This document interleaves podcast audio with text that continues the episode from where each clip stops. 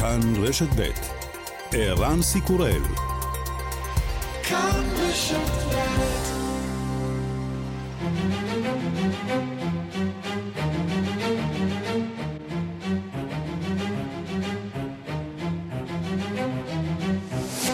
השעה הבינלאומית 27 ביוני 2022 והיום בעולם. מנהיגי שבע הכלכלות החזקות בעולם מכונסים בגרמניה לדון בהמשך המלחמה באוקראינה. נשיא אוקראינה זלנסקי השתתף היום בדיון וניסה לבקש עוד נשק. ראש ממשלת בריטניה בוריס ג'ונסון, שהביע חשש מעייפות במערב, נשמע היום רגוע יותר. What's really struck me in the last couple of days has been the, the amazing consistency of uh, our, our resolve and the continuing unity of the, the G7. The logic of the, of the position is still so clear. There is no deal that uh, the President Zelensky can, can really do. מה שהיכה בי ביומיים האחרונים היא העקביות המדהימה והנחישות של ה-G7. העמדה ההגיונית עדיין ברורה, אין שום עסקה שהנשיא זלנסקי יכול לעשות. נשיא אקוודור גיירמו לאסו מנסה לבלום את גל המחאה נגד האינפלציה. אתמול הוא מודיע על הפחתת מחירי הדלק. Reducir el precio de la gasolina extra y Ecopaís en 10 centavos por galón. Y el diésel también en 10 centavos por galón. Los ecuatorianos que buscan el diálogo encontrarán un gobierno con la mano extendida. Los que buscan el caos, la violencia y el terrorismo, toda la fuerza de la ley. החלטתי להפחית את מחיר הדלק בעשרה סנט. אקוודורים שרוצים דו-שיח ימצאו ממשלה עם יד מושטת. אלה שמבקשים תוהו ובוהו וטרור יפגשו את כוחו המלא של החוק. לפחות 18 מהגרים נהרגו בסוף השבוע לאחר שניסו לחדור לגבול המובלעת הספרדית בצפון מרוקו מלילה. רבים מהם נפלו למותם או נמחצו למוות בתוך ההמון. שוטרים מרוקנים וספרדים גם הם נפצעו בעימותים. במדריד הפגינו המונים נגד טיפול הממשלה במשבר המהגרים. Nos concentramos hoy para denunciar la masacre que ha habido en Melilla, donde han muerto más de 30 personas, y la hipocresía de este gobierno אנו מוחים נגד הטבח במלילה שבו נהרגו 30 בני אדם, הממשלה שלנו צבועה, כשהיא טוענת שהצבא המרוקני וכוחות הביטחון הספרדים עשו עבודה טובה. הממשלה מפנה את מבטה מבעיית המהגרים. За 310 рішення прийнято. Тепер, враховуючи рішення комітету, я ставлю пропозицію прийняти за основу і в цілому законопроект 7273-д. הפרלמנט האוקראיני העביר חוק חדש שאוסר על מכירת ספרים ויצירות מוסיקליות מרוסיה בשל תוקפנותה נגד אוקראינה. עבור רבים באוקראינה ששפת האם שלהם רוסית, מדובר בצעד שעלול לנתק אותם עוד יותר ממורשתם התרבותית, והוא מעלה את השאלה האם פוליטיקה ואומנות בהכרח צריכות להיפגש. וגם...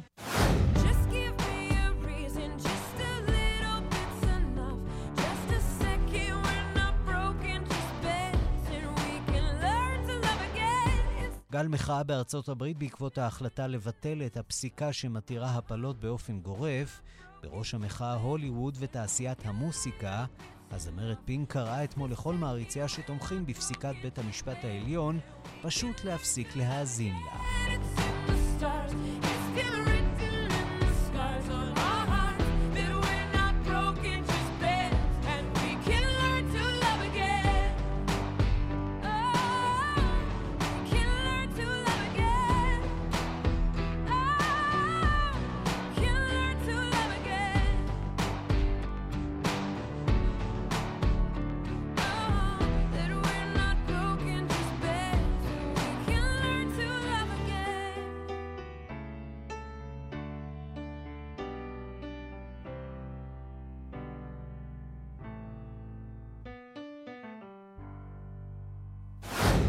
השעה הבינלאומית שעורך זאב שניידר, מפיקות אורית שולץ ורחלי לוי, בביצוע הטכני דן ירוקי ושמעון דוקרקר, אני ערן סיקורל, אנחנו מתחילים.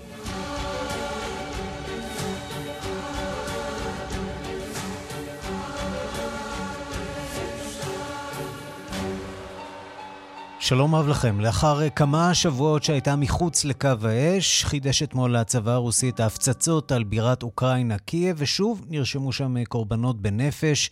נשיא אוקראינה זלנסקי ניצל את נאומו הלילי לקרוא לאזרחי וחיילי בלרוס השכנה, בעלת בריתה של רוסיה, שלא ליפול למלכודת הרוסית ולהיגרר למלחמה. ונשיא רוסיה פוטין הוא יצא השבוע לביקור מדיני ראשון מאז פרוץ המלחמה. הדיווח של כתבנו במזרח אירופה, ניסן צור. רוסיה מחדשת את המתקפה על בירת אוקראינה. מספר טילים פגעו אתמול בבירה קייב, ולדברי הרשויות המקומיות אדם אחד נהרג ולפחות שישה נפצעו, בהם גם ילדה בת שבע. כוחות ההצלה ערכו סריקות אחר נפגעים נוספים, לאחר שמספר בנייני מגורים נפגעו בצורה קשה.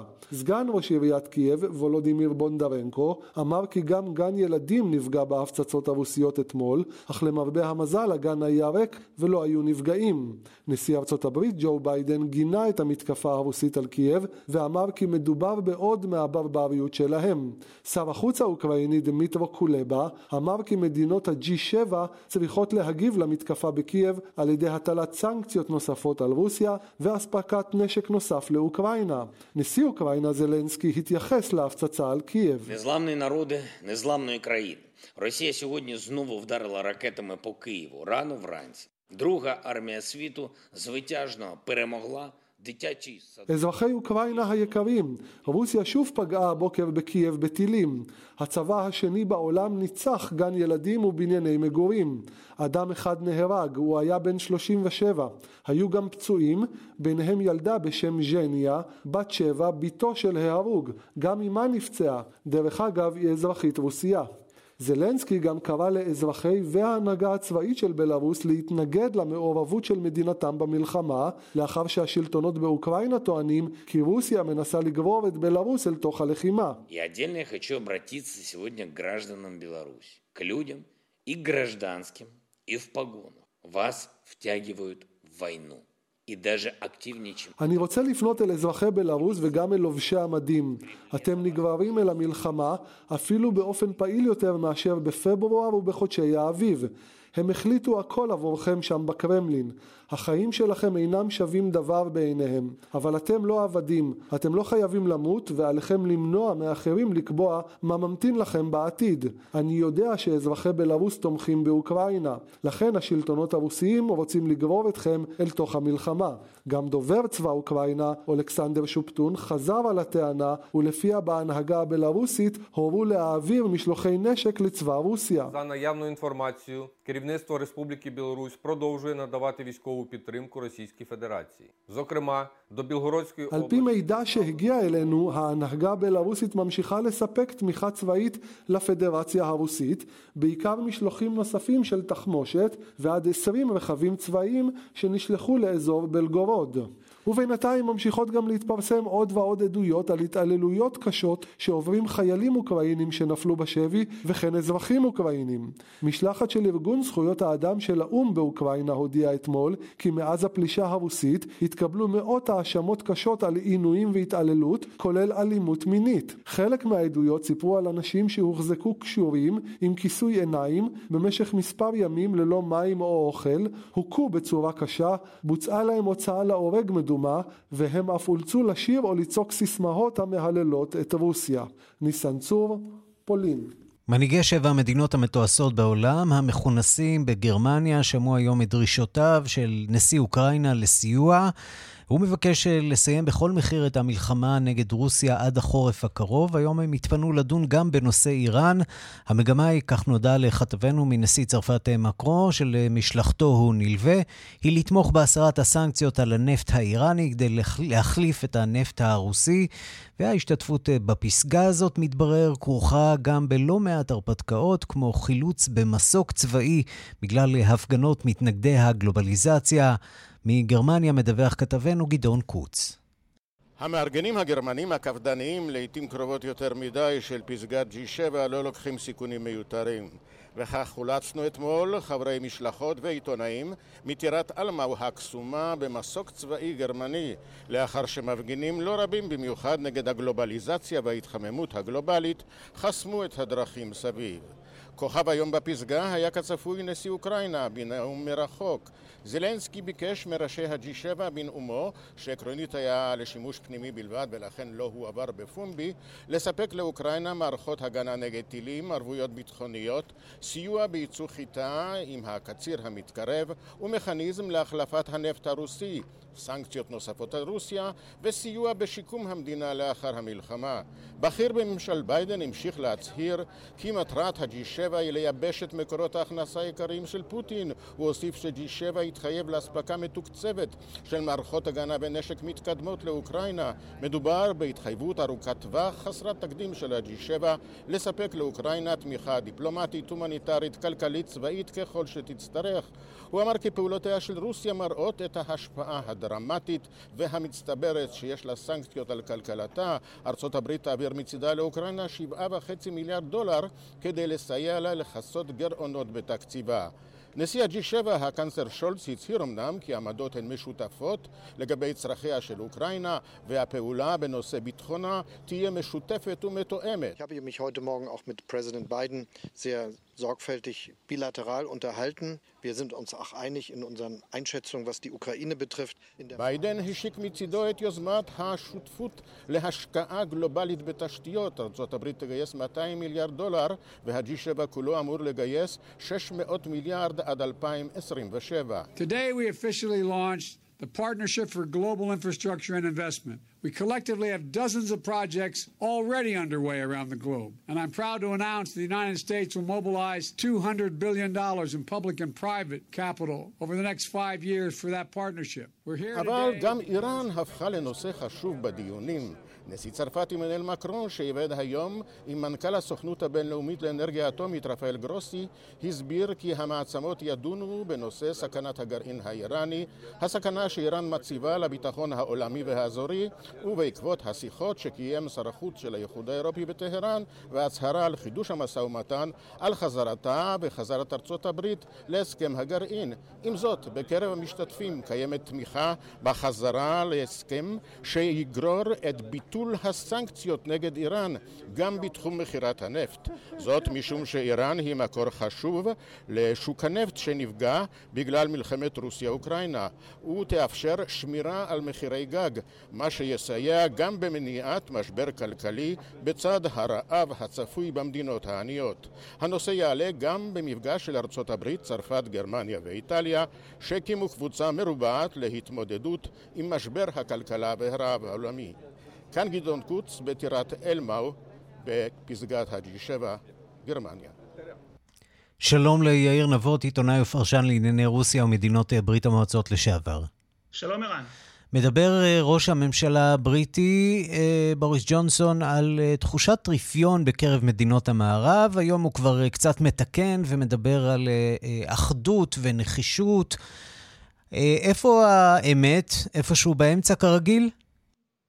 כן, האמת היא איפשהו כמובן באמצע. חשוב מאוד לזכור, ערן, שה-G7, למרות חשיבותו, הוא פורום שאיננו כולל את כל מדינות האיחוד האירופי כמובן, למשל, ובתוך האיחוד האירופי יש לא תמיד הסכמה מלאה לגבי היחס הרצוי כלפי רוסיה. ברור שכרגע יש סוג של מצג אחיד, אנחנו גם שומעים על, על הסכמה על המשך הענקת הסיוע, המשך הענקת הסיוע הצבאי לאוקראינה, אבל אני בטוח שמאחורי הקלעים, ואלה דברים אגב שהם לא, לא ממש נסתרים, יש שאלה גדולה באשר לעתיד. משום שככל שהמלחמה בין רוסיה לבין אוקראינה נמשכת ומתמשכת, אנחנו רואים את הצרות הכלכליות הולכות ומכבידות יותר ויותר על הכלכלות של מדינות אירופה, זה מתבטא כמובן בשיאי אינפלציה, שיאים של עשרות שנים, בבריטניה שמענו, גם פה אגב, למשל בהולנד, אינפלציה שעומדת כרגע על בסביבות עשרה אחוזים, מרגישים את הדבר הזה בכיס, המחירים מזנקים, מחירי הדלק כמובן, מחירי האנרגיה. כן, וצריך לומר שהסיפור הזה משתרשר, עסקנו אתמול בהרחבה במה שקורה באקוודור, הפגנות נגד האינפלציה. זאת אולי הסנונית שמלמדת אותנו על גל המחאות שצפוי להגיע, אולי אפילו גם אצלנו.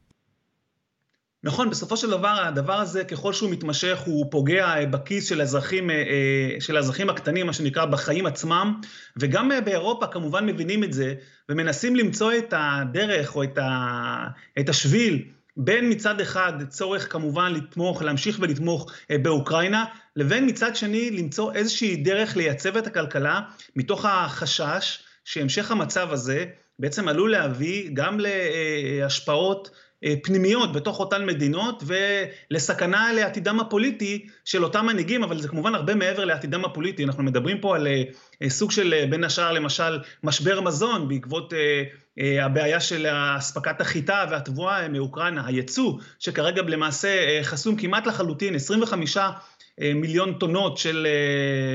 של תבואה, של חיטה, בעצם שוכבים במחסנים באוקראינה, והאוקראינים בקושי מצליחים לייצא את זה, ומצידה של רוסיה כמובן, צריך לזכור שגם היא סופגת חבטות כלכליות בזו אחר... וזאת באמת השאלה, אתה יודע, מדינות המערב בהחלט מנסות לבודד את רוסיה, מצד שני, רוסיה ממשיכה לנהל מערכת יחסים נורמלית לחלוטין עם סין, עם הודו, עם מעצמות גדולות מאוד. השאלה אם יש פה באמת השפעה על הכלכלה הרוסית ועל המדיניות של פוטין בעקבות הצעדים של מדינות המערב ושבע הכלכלות הגדולות בעולם, שהן אומנם גדולות, אבל הן לא בהכרח גדולות כמו סין. נכון, וזה העניין. אני חושב שחשוב מאוד לעשות פה סוג של הפרדה. מצד אחד, חבילות הסנקציות של המערב, וזה לא רק המערב, זו גם יפן, אוסטרליה, קנדה, מדינות אחרות, כן משפיעות על הכלכלה הרוסית, יש סנקציות שההשפעה שלהן תבוא לידי ביטוי לטווח היותר רחוק, בחודשים הקרובים. יש סנקציות שההשפעה שלהן מגיעה לידי ביטוי, באה לידי ביטוי כבר עכשיו ופוגעת בכלכלה הרוסית, בהמשך זו עלולה להיות פגיעה משמעותית ביותר, כבר עכשיו יש השפעה על כמה וכמה תעשיות ברוסיה, תעשיית הרכב, תעשיית הרפואה, יש תעשיות שפשוט לא יכולות להמשיך ולייצר, ללא רכיבים שמגיעים מהמערב, רכיבים טכנולוגיים למשל מיפן, מסוגים שונים, והדבר הזה כבר ניכר בשטח. זה מצד אחד. מצד שני, כמו שאמרת נכון, המערב הוא איננו כל העולם. אנחנו צריכים לזכור שמדינות כמו סין תומך, תומכות ברוסיה, אולי לא תומכת צבאית, אבל בהחלט מגנה וממשיכה לקיים איתה קשרים ענפים. מדינות כמו הודו, שהיא דמוקרטיה, אבל, וקרובה גם לארה"ב, אבל מצד שני היא ממשיכה לקיים, על, לקיים קשרים מאוד מאוד טובים עם רוסיה, היא קונה נפט מרוסיה בכמויות מאוד מאוד גדולות ובמחירים מוזלים, מדינות כמו ברזיל, דרום אפריקה, מדינות באפריקה, יש פה סוג של אירוניה, משום שאפריקה היא גם אחת הנפגעות העיקריות ממשבר המזון, אבל הם נזהרים, נזהרות מאוד שלא... מצד שני צריך לומר שגם לרוסיה יש מזון, ועכשיו היא יכולה להמשיך לייצא את התבואה שלה גם למדינות אפריקה, במידה רבה היא סידרה לעצמה את התחרות בהיבט הזה. כן, הרוסים כמובן פועלים כדי לגוון את שווקי הייצוא שלהם ולא להיות תלויים רק, רק במערב, צריך לומר, כפי שאמרת נכון, גם רוסיה היא אחת מיצואניות החיטה המובילות בעולם, ולכן התמונה פה היא מאוד מאוד מורכבת, אין פה זבנג וגמרנו, ואני חושב שחשוב מאוד גם לסייג ולומר, למרות פגיעתן הקשה של הסנקציות הכלכליות על מצבה הכלכלי של רוסיה, והוא אכן נפגע, שאלה נפרדת לגמרי היא השאלה האם הסנקציות הקשות הללו יובילו להפלתו של הנשיא פוטין או למצב של מחאה חברתית ציבורית. כרגע. לפחות זה לא נראה, וצריך לומר שככל שהמלחמה הזאת נמשכת והרוסים הולכים וכובשים עוד ועוד שטחים, נראה שמעמדו במידה מסוימת אולי אפילו מתחזק ברוסיה, לא? נכון, וזו, יש פה סוג של, יש פה סוג של אירוניה, משום שכמו שאתה אומר, מצד אחד, ככל שהמצב הולך ונהיה גרוע יותר מבחינת הכלכלה הרוסית והשפעת הסנקציות על רוסיה, אז יש סקרי דעת קהל גם בתוך רוסיה, נסייג את זה באשר למידת מהימנותם, אבל אני חושב שאפשר להניח שבנושא הזה הסקרים הללו נכונים.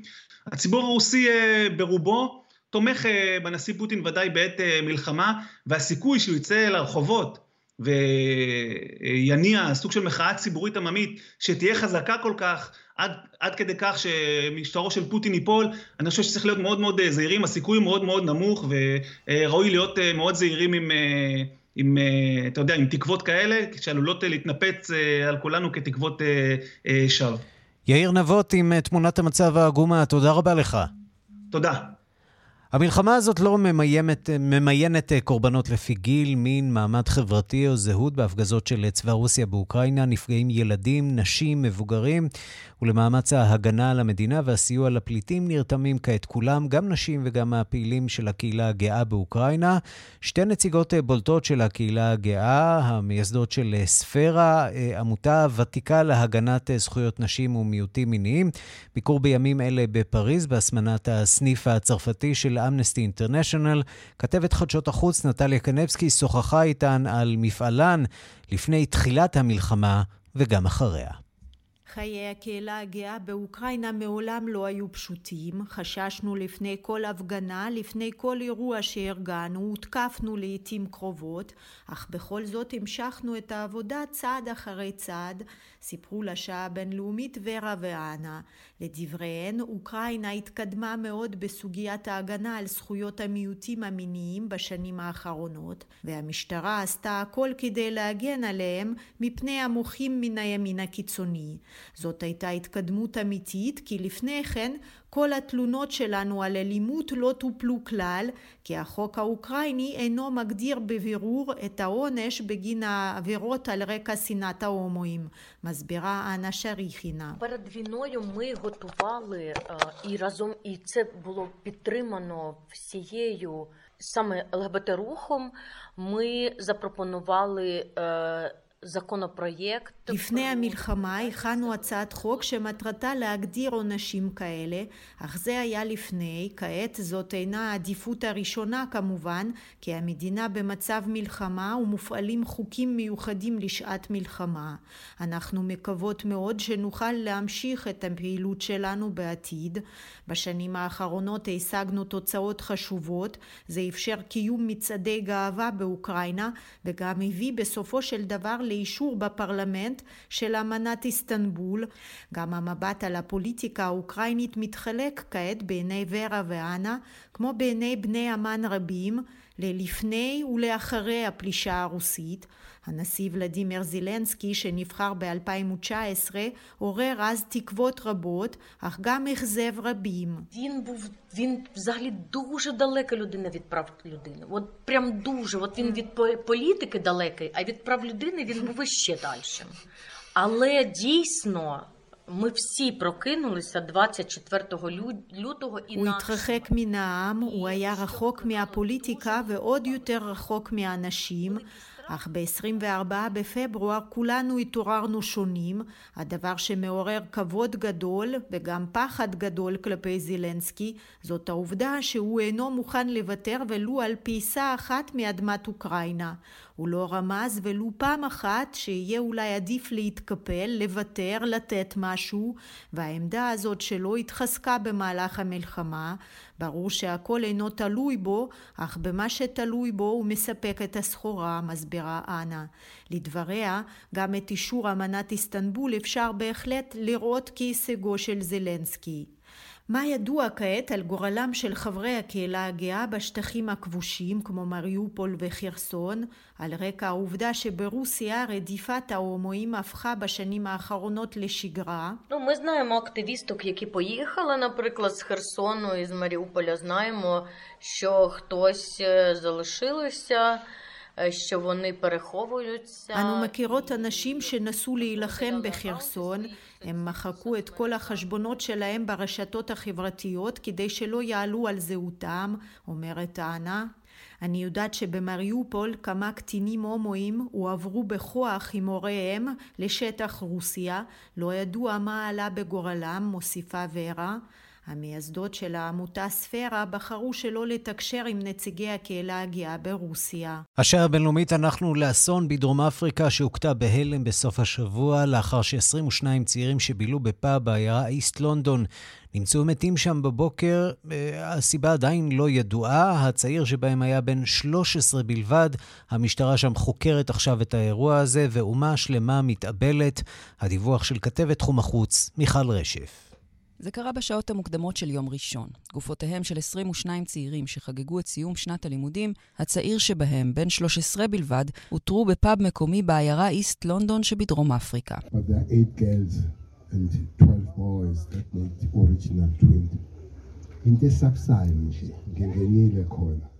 היו שם שמונה בנות ושנים בנים, אמר שר המשטרה של דרום אפריקה, בקי קלה, שהגיע לזירה, זה מפחיד מאוד, נכנסתי פנימה, אבל לא יכולתי להיכנס עוד לחדרים שבהם נערכה החקירה הפורנזית, הוא הוסיף. הרשויות מנסות כעת לחפש תשובות, מדוע היו כל כך הרבה צעירים במקום הזה בערב ההוא, כאשר הגיל החוקי לצריכת אלכוהול עומד על 18. האפשרות שאולי הם נרמסו למוות בגלל צפיפות בפאב נשללה, כיוון שלא אותרו פצעים על גופם של הצעירים. החוקרים לקחו דגימות מהגופות ובודקים כעת האם הם הורעלו, ובינתיים אומה שלמה כואבת את הטרגדיה.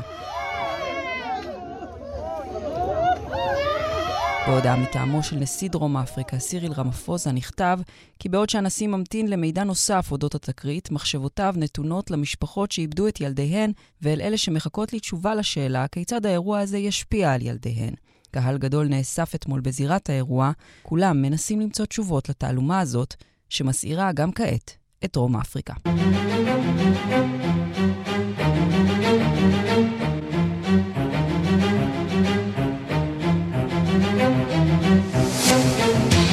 אלימות נגד נשים מעסיקה אותנו כאן בישראל ומעסיקה גם את העולם, גם את העולם הערבי. האלימות שם כובשת את סדר היום לאחר מקרי רצח של סטודנטיות במצרים ובירדן. שלום לכתבנו לענייני ערבים רועי קייס. שלום ערן, צהריים טובים. ראש תחום אה, הערבים. אה, נראה שהמקרים האלה הן תזכורת כואבת למצב הלא פשוט של הנשים בעולם הערבי, נכון? לחלוטין כך, ערן. תראה, מעת לעת אנחנו שומעים על מעשי רצח של נשים במדינות ערביות, אלא שבימים האחרונים יש צבר סדר של מעשי רצח מזעזעים של נשים בידי גברים, וזה מציף את הנושא הזה על סדר היום גם ברשתות החברתיות וגם בכלי התקשורת השונים. נתחיל מהרצח שהתחיל את הגל המצער הזה לפני שבוע ימים בערך. ניירה אשרף הגיעה לשערי אוניברסיטת העיר אל-מנסורה בצפון מזרח מצרים. חברה ללימודים מוחמד עדל שחט אותה לאור יום בסכין. הסיבה לכך לפי התקשורת המצרית היא סירובה להיות איתו בקשר זוגי. עוברי האורח שהיו עדים לתקרית הקשה הזאת שתועדה גם בווידאו, הכו אותו אחר, אחרי המעשה והוא נעצר. הרצח הזה עורר תרעומת רבה ברחוב המצרי והדרישות להענישו בחומרה ואפילו להוציאו להורג, עונש שקיים בחוק המצרי, נשמעו היטב. ביומיים האחרונים נפתח משפטו וגם קולו נשמע, אה, עדותו, הוא אמנם מתחרט על מעשיו אך ניסה לתרץ שהיא הונתה אותו כדי שיממן אותו וברגע מסוים עזבה אותו, על אף שהסכימו על אירוסין, הוא גם יצא נגד משפחתה. על כל פנים יש במצרים מי שבחר לא לשדר את העדות שלו, את דברי, העדות של הרוצח. אחת מהם היא המגישה המצרית המצרית למיס אל-חדידי שהבהירה בתוכניתה אין שום תירוץ למה שעשה, הנה דבריה. وحتى لو كانوا مخطوبين كانوا متجوزين كانوا أي حاجة لا يوجد مبرر للقتل يعني دي لو مراتك כן, אז זאת המגישה המצרית המוכרת, אלמיס אל-חדידי, שאומרת, אפילו אם הם היו מאורסים או נשואים או משהו אחר, אין שום הצדקה לרצח. יש לך אישה, אם אתה רוצח אותה משום שהוליכה אותך שולל, משום שהתגרתה בך במיניבוס, חברים שלה התגרו בך, אז אתה תלך ותרצח אותם, אין שום הצדקה לזה, אלא שמתברר שיש במצרים שמי ש... שאולי סבור שיש הצדקה כלשהי לרצח הזה, לתוך הזעזוע מהאירוע הזה התעוררה סערה אחרת סביב דבריו של מטיף מצרי ידוע בשם אבוק אל עטיה, מטיף מצרי מאוד מוכר, גם שנוי במחלוקת, הוא העלה סרטון לדף הפייסבוק שלו, שבו הסביר כי כדי למנוע מעשי רצח כאלה של נשים, על האישה לעטות חיג'אב, את הכיסוי הראש, להתכסות, כך זה נשמע.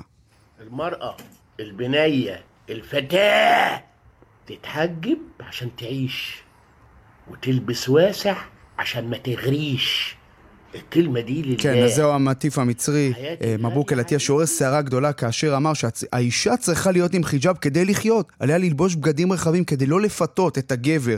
אם החיים שלך, של האישה יקרים בעבורך, עליך, עלייך לצאת מהבית מכוסה. הדברים האלה כמובן הוסיפו שמן למדורה, עוררו זעם רב שהופנה לאותו מטיף, בעיקר בקרב ארגוני זכויות נשים במצרים. המועצה הלאומית של נשות מצרים הגישה נגדו תלונה לתובע הכללי במצרים בטענה שהוא מסית לאלימות נגד נשים. בעקבות ההתקפה עליו הוא הודיע שהוא פורש באופן זמני, לא יופיע יותר על המסך, אבל לא רק במצרים, כאמור, האלימות נגד נשים הפכה לשיחת היום גם בירדן, שם סטודנטית בשם אימאן הירשית בשנות ה-20 לחייה, היא סיימה את מבחני סוף הסמסטר שלה באוניברסיטה למדעים יישומיים בצפון רבת עמון בשבוע שעבר. איך שיצא משם, אדם מחופש פתח באש לעברה, ירה חמש או שש יריות, היא נפצעה אנושות ומתה מפצעה בבית החולים. המניע לא ברור, הרוצח נמלט מהמקום. משפחתה של הסטודנטית הסבירה שהוא חייב לקבל עונש מוות. הנה.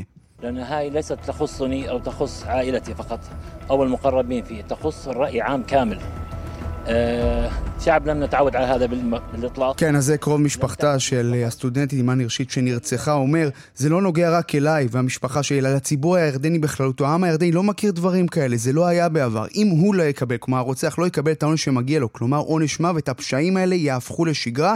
ממש התפתחות של היממה האחרונה, המצוד אחריו הסתיים כאשר כוחות הביטחון הגיעו לבית שבו הוא נמצא, בו הוא הסתתר, הוא ירה לעצמו בראש, התאבד, נפצע אנושות, מת בבית החולים.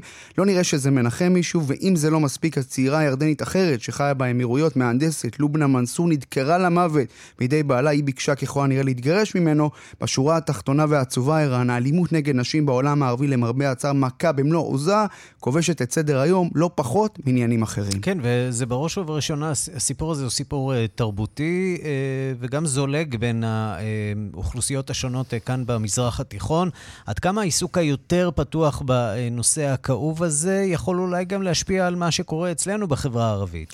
אז תראה, אה, קשה לומר, אבל אני כן חושב שעצם העיסוק בו והזעזוע והגינויים שאנחנו שומעים, וגם הגינויים נגד אנשים כמו אותו מטיף מצרי מבוק אלעטיה, שכביכול הצדיק את הרצח של אותה סטודנטית באל-מנסורה, זה דבר שאולי קצת מעודד שכן יש שיח שבאמת רוצה להוקיע את הדברים האלה, רוצה אולי לשנות את המנהגים, את הנוהג. בחברות, צריך לומר פטריארכליות, שעדיין המסורות והמשפחתיות, המסורות בתוך המשפחות, פטריארכליות עדיין מאוד חזקה, קשה מאוד לשבור את זה, אבל אולי עצם השיח על זה, זה כבר דבר שטיפה יכול לעודד בתוך, כן, באמת כל העצב והיגון הזה שאנחנו שמענו באייטם הזה. ראש התחום הערבי, רועי קייס, תודה. תודה.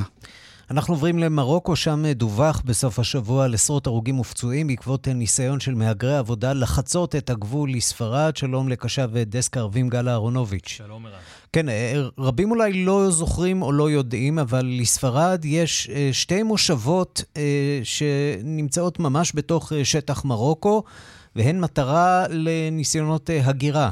נכון מאוד. אז תכף באמת נסביר על המושבות האלה ומה הסיפור שם. אבל קודם כל, בסוף השבוע האחרון, מאות מהגרים מנסים לחצות את הגבול בין מרוקו לספרד ולהגיע לעיר מליה, זו אחת מהמושבות, משתי המושבות שהזכרת. חלקם ניסו לעשות זאת באמצעות טיפוס מעל גדר ההפרדה, וחלקם באמצעות חיתוך הגדר. התוצאה, לפחות 24 הרוגים ועשרות פצועים. אז לפי הדיווחים של אנשי משמר הגבול המרוקנים, לפי הדיווחים של אנשי משמר הגבול המרוקנים, ירו לעבר המהגרים. רבים אחרים נפצעו כשנפלו מהגדר או נמחצו בתוך ההמון. בואו נשמע קודם כל את מוחמד מוחסן, מהגר מסודאן, שניסה לחצות את הגבול. הנה. تعرف يعني اولا باولا يعني طلعنا من بلد الظروف صعبه وكل شيء כן, אז הוא אומר, הגרנו uh, כדי להגיע לאירופה ולשפר את תנאי המחיה הקשים שלנו.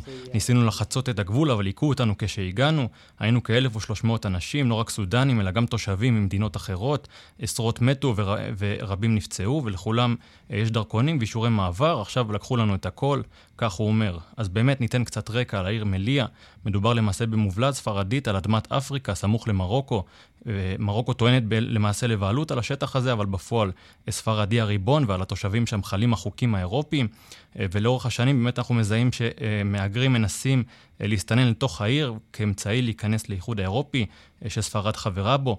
ומהגרים רבים שבאמת הסתננו לאורך השנים זכו בסופו של דבר למעמד של פליטים. כדי להתמודד עם התופעה השלטונות הספרדיים הקימו גדר הפרדה די מסיבית שמפרידה בינה לבין שער שטח מרוקו, ניסיונות הסתננות עדיין קורים מעת לעת. בפועל אבל... מה שקרה מגדר ההפרדה הזאת היא ש... הוא שאנשים פשוט טיפסו על הגדר הזאת ונפלו בצד השני נכון אל מותם למעשה. נכון מאוד, גם נפלו למותם, אבל גם ניסו לחתוך את הגדר ממש עם כלים חדים ונחשפו לירי מאנשי משמר הגבול. בואו נשמע את מוסטפא בייטס, הוא דובר הממשלה המרוקנית והוא הגיב על האירוע. הנה. لابد من توقفوا واحد اللحظه باش ندينوا الافعال والمناورات اللي كدير اليوم شبكات التهريب خاصه כן, אז הוא אומר, אנחנו מגנים את הפעולות של רשתות ההברחה שמוכרות לאנשים הללו חלומות ודוחפות את המהגרים להרפתקאות חסרות, חסרות אחריות, כפי שקרה במליע אמש. האירוע הזה, הוא אומר, הוא ניסיון לעוות את התדמית של מרוקו כמדינה שיודעת לטפל בבעיית המהגרים. אז באמת בייטס מנסה לתקן ולו במעט את הרושם השלילי שנוצר למרוקו בעקבות האירוע. התיעודים שיצאו משם קשים מאוד, ובהם נראים עשרות מהגרים פצועים שכובים על הקרקע בזמן שכוחות הביטחון המרוקנים, כך נטען, מכים אותם נמרצות. אז מספר, הגבוהים, הגבוה, מספר ההרוגים הגבוה לא משפר את הרושם הכללי שנוצר. גם ראש ממשלת ספרד נאם בנושא והטיל את האחריות לאירוע על אנשי המאפיות שסוחרים בבני אדם, כך לדבריו. ארגוני זכויות האדם דרשו לפתוח בחקירת נסיבות האירוע. בואו נשמע בהקשר הזה את עומר נאג'י, אחראי תיק המהגרים באגודה המרוקנית לזכויות אדם. حصيلة الخسائر فادحة للغاية 27 قتيلا من المهاجرين والعديد من الإصابة الخطيرة إنها حصيلة لم تحدث من قبل في المغرب כן, أو הוא אומר, מספר הרוגים בתקרית מביש מאוד. עשרות הרוגים ופצועים רבים, זה לא קרה מעולם במרוקו. האירוע חסר התקדים הזה שופך אור על מדיניות ההגירה המרוקנית והספרדית. אז באמת האחריות לניהול מוצלח יותר של אירועי הסתננות מוטלת על שתי המדינות, על מרוקו ועל ספרד, אף על פי שמרוקו לא מכירה בריבונות של ספרד על השטח, ואפילו טוענת שמדובר בכיבוש לא חוקי. בכל הנוגע לבעיית המהגרים מתקיים תיאום מלא בין שתי המדינות, ובמיוחד מאז שהם נרמלו את היחסים ביניהן בחודש מרס האחרון. ולמרות התמונות הקשות שמגיעות מהניסיון האחרון להסתנן לעיר מליה, נראה שבעתיד אנחנו צפויים לראות עוד ניסיונות כאלו של תושבי מדינות אפריקה, שמחפשים הזדמנות לחיים טובים יותר. כן, ויש לא מעט ביקורת באירופה, צריך לומר, על אה, ספרד אה, בעקבות האירוע הזה, ועל האחריות שלה לטיפול אה, במשבר המהגרים שם במובלעות הללו. גל אהרונוביץ', תודה. תודה רבה. השעה הבינלאומית, המחאה על ביטול פסיקת רו נגד וייד, שהתירה לבצע הפלות בארצות הברית, לא יורדת מהכותרות. הלילה הגיעה לבמות בארצות הברית ובבריטניה, כשלאומנים הגדולים בתעשיית הבידור היה ויש מה להגיד ולשיר בעניין. אנחנו רוצים לומר שלום לאלון פרוכטר, עורך התרבות של כאן חדשות בדיגיטל. אז יש אה, בהחלט אה, לאומנים מה להגיד ולשיר. לגמרי, כן. אה, גלי המחאה לא הולכים לעזוב אותנו בזמן הקרוב, בטח כשבחירות אמצע הקדנציה בארצות הברית כבר ממש מעבר לפינה, אז אחרי טיילור סוויפט, שר, סיה, מריה קרי, סינדי לאופר והרבה מאוד אומניות אחרות שכבר הגיבו ברשתות החברתיות בסוף, בסוף השבוע האחרון. היום, לפנות בוקר, המחאה הגיעה לבמה הכי גדולה בבריטניה, בפסטיבל גלסטונברי. שם הופיע הראפר האמריקני קנדריק למר, ש... ידוע כמי שלא חוסך בביקורת על הממסד. מי שלא מכיר, מדובר באחד מפסטיבלי המוזיקה הוותיקים והגדולים בעולם, ולמר זוכה פרסי גרמי ופוליצר, נבחר לנעול את הפסטיבל הגדול הזה בהופעה חגיגית. ככה הוא נשמע רגע לפני שפינה את הבמה. Yeah.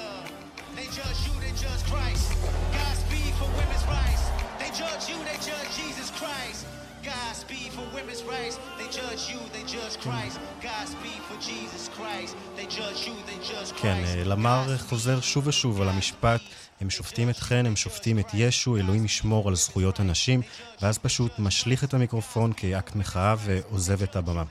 ולא רק שם, גם מעבר לאוקיינוס בלוס אנג'לס, התקיים הלילה טקס פרסי ה-BET, ה-22 במספר. מי שלא מכיר, מדובר ברשת טלוויזיה אמריקנית, שראשי תיבות שלה זה Black Entertainment מיועדת לאוכלוסייה האפרו-אמריקנית. בדיוק, וכמו הערוץ, גם הטקס חוגג את תעשיית הבידור האפרו-אמריקנית. אה, זה מה שהיה למנחת הטקס השחקנית טראז'י פי הנסן, ולזמרת ג'נל מונה להגיד בשידור חי. It's about damn time we step into our power. It's about damn time we talk about the fact that guns have more rights than a woman. It's a sad day in America. Supreme Court.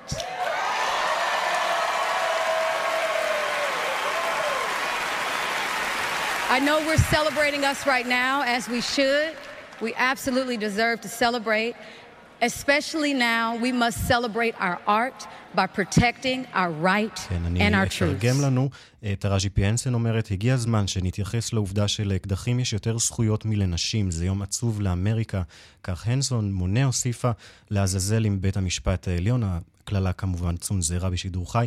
מגיע לנו לחגוג את האומנות שלנו, כמו שמגיע לנו לשמור על הזכויות שלנו. אז את הביקורות על המהלך השנוי במחלוקת של בית המשפט העליון בארצות הברית, כנראה נמשיך לשמוע לא מעט. אחת המחאות שאני חייב להגיד באופן אישי מאוד נגעה לליבי, הייתה בסוף השבוע גם בפסטיבל גלסטונברי, שם הזמרת האמריקנית אוליביה רודריגו הזמינה לבמה את הזמרת הבריטית לילי אלן. יחד הן הקדישו את הלהיט "Fuck You" לחמשת שופטי העליון שהצביעו בעד הפסיקה. ועם האצילים האלה נסיים את הפינה. תודה רבה, ערן. תודה רבה, אלון. Look inside your tiny mind and look a bit harder.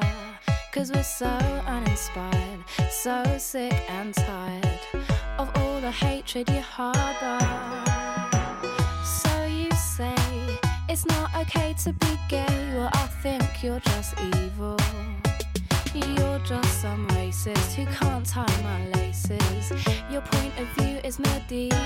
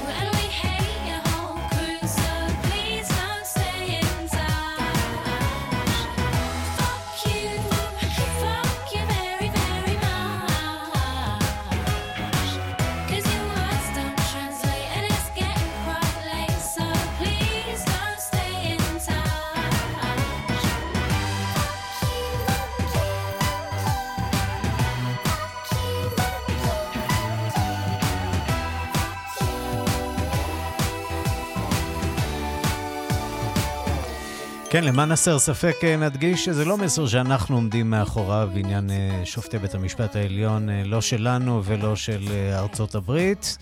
זה המסר של המוסיקאים אה, האמריקנים, אה, ועד כאן השעה הבינלאומית מהדורת יום שני, שערך זאב שניידר, מפיקות אורית שולץ ורחלי לוי, הטכנאים דני רוקי ושמעון דוקרקר, אני רנסי קורן, מיד אחרינו רגעי קסם עם גדי לבנה.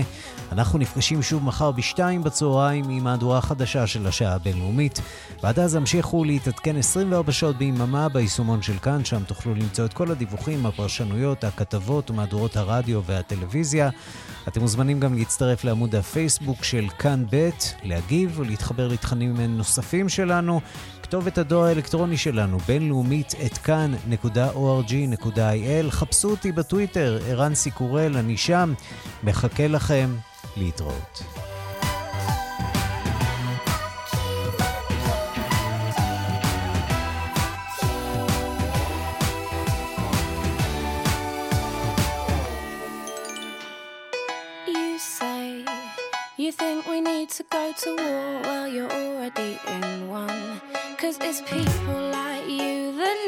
Get slew. No one wants your opinion.